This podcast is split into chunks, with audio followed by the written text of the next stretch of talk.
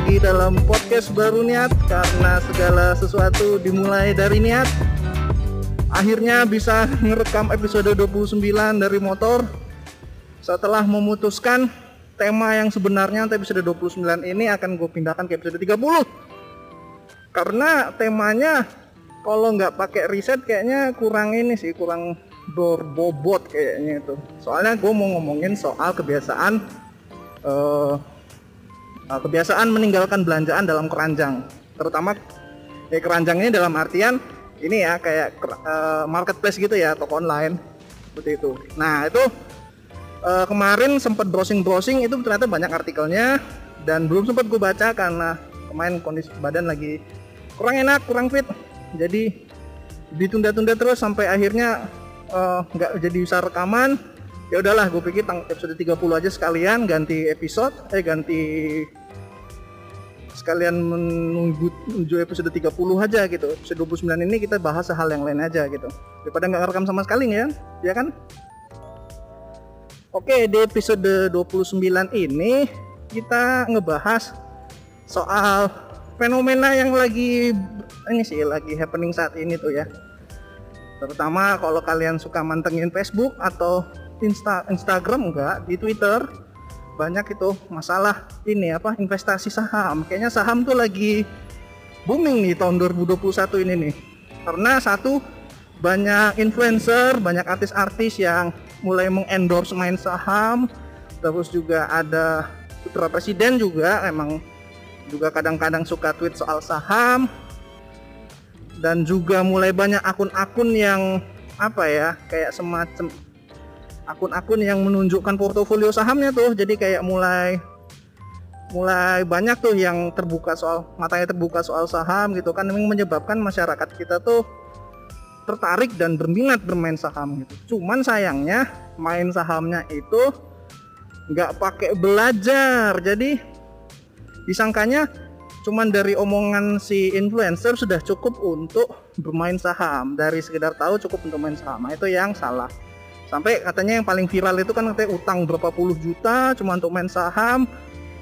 Terus dia naruh sahamnya di sebuah emiten tertentu dan ternyata uh, emiten tersebut nilainya malah turun. Malah dia ngerugi stres katanya. Habis itu ada yang tabungan kuliahnya tabungan keluarganya diambil untuk main saham. Dan sahamnya turun. Nah itu tuh. Banyak yang stres banyak yang pengen pengen apa ya menumpahkan kesalahannya di media sosial gitu kan. Sampai membuat oh katanya tuh para bandar para bandar-bandar main saham itu kesel dengan para nubi-nubi baru ini nih. Kayak seneng banget uh, be bego banget istilahnya tuh di hype aja langsung pengen masuk main saham sampai katanya dimerahin dulu ya HSG-nya supaya ngusir para pemain baru biar kapok gitu. Ya nggak tahu lah itu benar atau nggak benar atau enggaknya tapi kalau kata teman yang main saham memang saham IHSG kemarin merah. Saham-saham yang dikatakan atau diisukan nilainya akan naik terus menerus nilainya naik lah ya nggak terus menerus juga. Ternyata pada kenyataannya malah anjlok anjlok parah gitu kan. Akhirnya ya main saham tuh jadinya kalau nggak pakai ilmu tuh kayak main judi pak. Gitu. Itu yang akan kita bahas kali ini. Itu setengah yang gue bahas ya. Jadi kan uh, memang sih di tahun 2020 2020 2021 kita kan sedang terkena pandemi ya jadi orang tuh berusaha untuk mencari tambahan penghasilan gitu kan mindsetnya kan mungkin gitu karena karena kesempatan kerja tahun 2020 2021 ini sangat sulit sementara Eh, barang-barang juga mahal, uh, untuk kesehatan juga mahal gitu kan. Jadi orang tuh mulai memikirkan gimana caranya mendapatkan tambahan penghasilan tanpa mengeluarkan effort yang sangat besar gitu. Mungkin kalau misalnya dulu ketika zamannya Gojek, orang berpikir kalau menambahin uang, nambah penghasilan yang ngegojek gitu kan. Cuman sekarang dengan banyaknya Gojek, lalu semakin ketatnya aturan, semakin kecilnya reward gitu kan membuat orang jadi menghilangkan pikiran untuk main Gojek. Kalau dulu tuh banyak tuh beritanya tuh yang pegawai bank sampai resign jadi driver Gojek karena penghasilannya yang besar gitu kan. Atau bahkan ada orang yang istilahnya itu memang dari awal udah pasif income gitu kali ya. Jadi biar ngisi waktu luang dia jadi driver Gojek, driver Gojek, mobil bokar gitu kan, Uber atau Grab dan lain-lain gitu. cuman hal tahun 2020 2021 udah nggak ada lagi ya karena sudah saking banyaknya pe driver gitu kan jadi ya itulah saingan makin sulit uh, opsi untuk mencari penghasilan tambahan jadi driver menghilang gitu dan masuklah saham di mana saham dianggap sebagai magical thing di mana masukin uang uangnya akan nambah sendiri nggak ngapa-ngapain. Nah itu tuh. Kayak apa ya real uh, real life dukun. Real life menggandakan uang gitu. Jadi ya misalnya kita ambil contoh ekstrim lah ya. Masukin saham dari harga 100 kita masukin ya 10 lot. Harga 100 lalu dua bulan kemudian atau karena satu hal harga sahamnya menjadi 200 10 lot kita menjadi nilainya menjadi naik dua kali lipat. Wah uang kita ganda nggak ngapa-ngapain. Nah itu yang membuat orang sebagian orang ya gelap mata gitu loh. Dan ketika desperate nyari uang diberikan iming-imingnya hmm, seperti itu kan. Uh, yang istilahnya uh, nggak ngapa-ngapain cuman mantau-mantau aja uang naik gitu kan. Nah itu tuh yang membuat orang jadi uh, gelap mata sekali lagi. Sementara banyak akun-akun yang uh, Instagram mungkin lebih banyak Instagram atau Twitter kali ya yang share nih portofolio dia.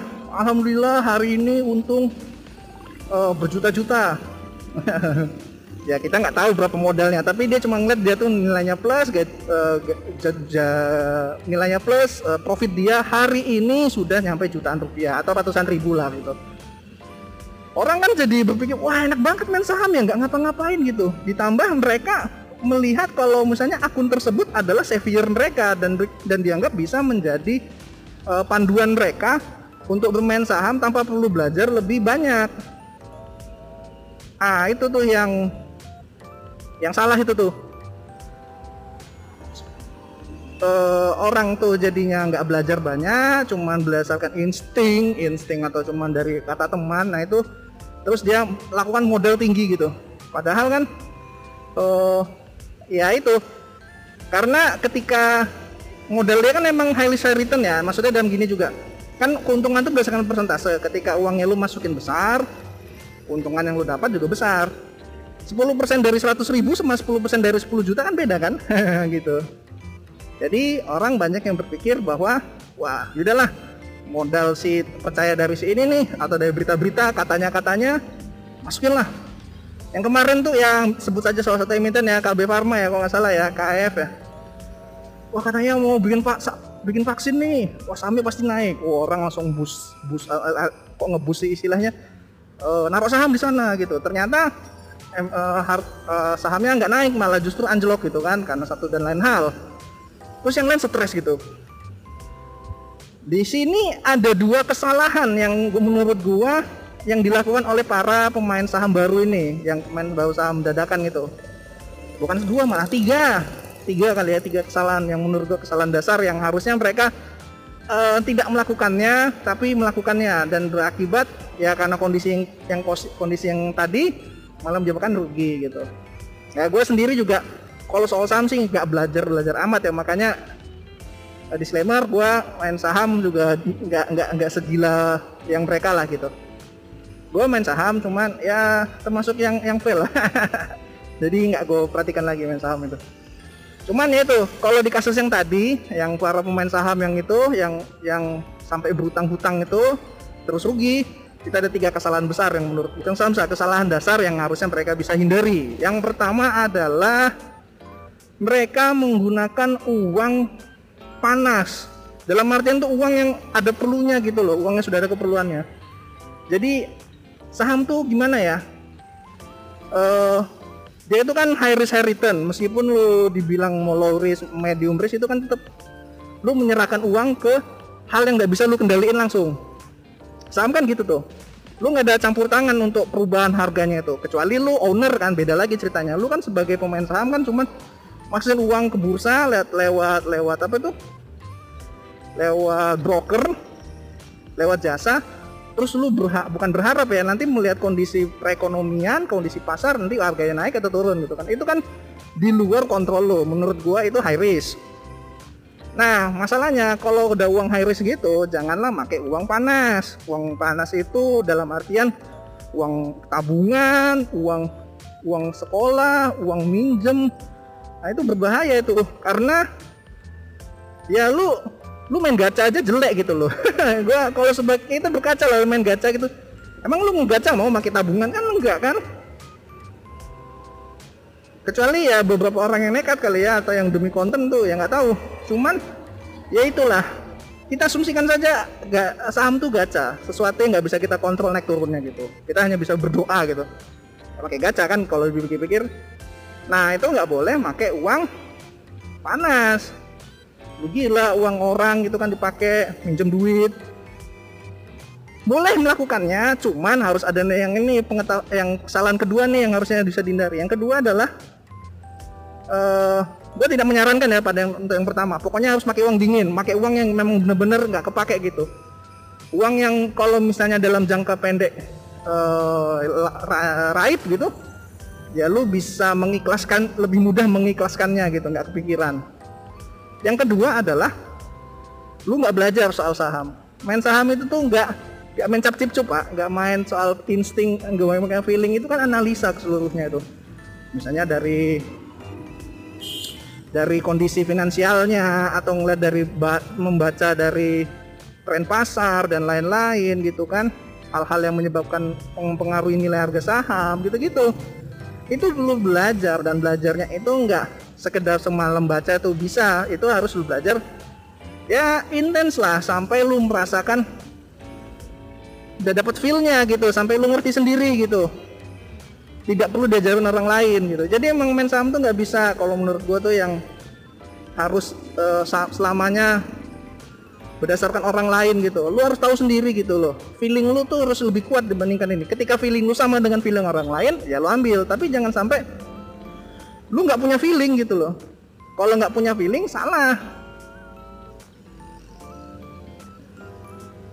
Nggak pakai feeling salah gitu. Jadi ya harus belajar gitu. Jangan sampai nggak belajar terus uh, ya kalau belajar saham kan sudah banyak tuh para para broker saham atau istilahnya yang senior senior lah ya sultan sultan para bandar-bandar sudah banyak yang mengeluarkan buku-buku tentang saham mereka berbagi tentang saham dari situlah belajar gitu. Jangan cuman kata si A si B. Nah itu tuh. Langsung masuk aja ke kesalahan dasar ketiga adalah terlalu percaya dengan influencer. Kalian tuh nggak ini ya eh, nggak uh, kepikirkah ketika seorang influencer itu melakukan hal itu dia tuh sebetulnya lagi dalam rangka menaikkan saham yang dia beli gitu loh. Maksudnya gini contoh contoh ekstrem ya. Belum tentu uh, influencer melakukannya. Atau istilahnya apa tuh? Pom pom pom pom melakukannya. Jadi misalnya ada sebuah saham ABC si si influencer tadi sudah beli duluan dengan nilai anggaplah 200 terus dia bilang kan dengan argumen dia wah ABC ini bagus nih kayaknya nih. Menurut analisa ABCD naik. Bisa naik nih. Wah ini bisa profit cepet nih. Terus para followernya oh benar juga ya. Kata si influencer ABC ini naik nih. Ayo kita invest. Naik invest dibelilah dari harga 200 di mana disclaimer. Udah dibeli duluan tuh sama si siapa sama si influencernya beli 200 dibeli beli beli sama followernya naik jadi 250 berapa gitu kan. Atau 300 lah aku buka 300 set. Nah masalahnya adalah influencer itu cuma ngasih tahu kapan kita beli. Jarang ada yang ngomong kapan kita jual karena jual kan waktunya ju, apa jeda waktunya kan terbatas ya apalagi lu trader harian gitu kan.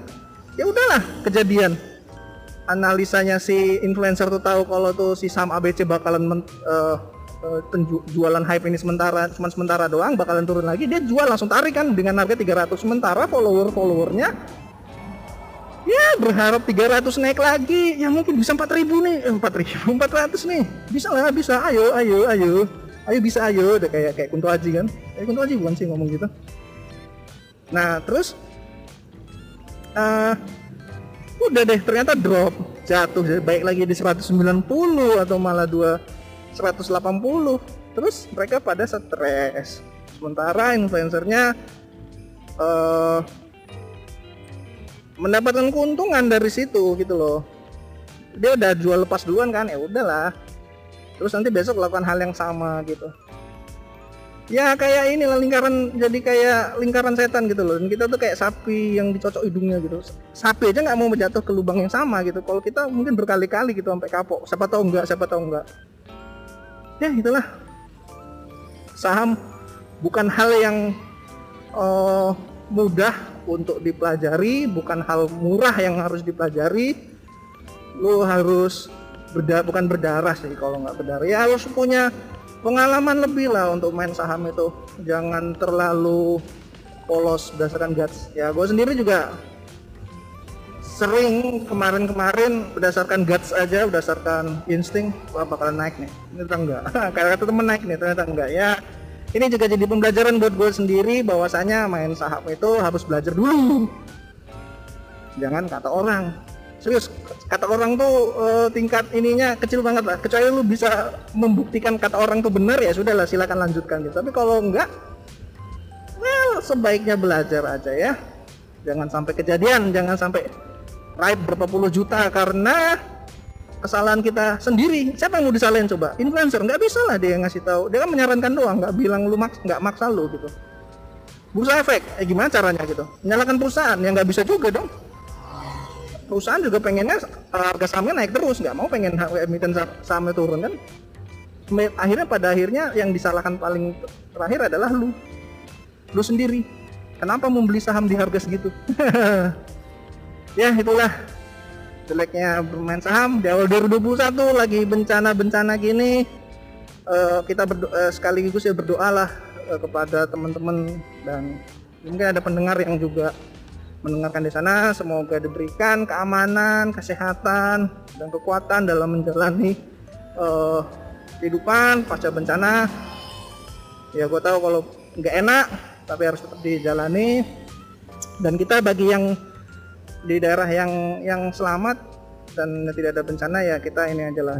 Bisa mendoakan lah minimal gitu kan dan bersyukur kalau misalnya kita nggak ada gitu. Oh ya nih uh, sekilas terakhir ini VTuber nih ini ya sedang naik daun juga nih VTuber, VTuber bukan VTuber, VTuber yang uh, yang baru-baru ini katanya dianggap ilegal oleh OJK yang menyebabkan para pengguna VTuber, VTuber katanya merugi. Coy itu MLM, itu beda sama saham, gak usah diikutin ya. Itu dulu dari gua sekian karena udah mau kantor nih. Uh, kasih udah dengerin gua Santoso dari podcast Baru Niat. Sampai jumpa.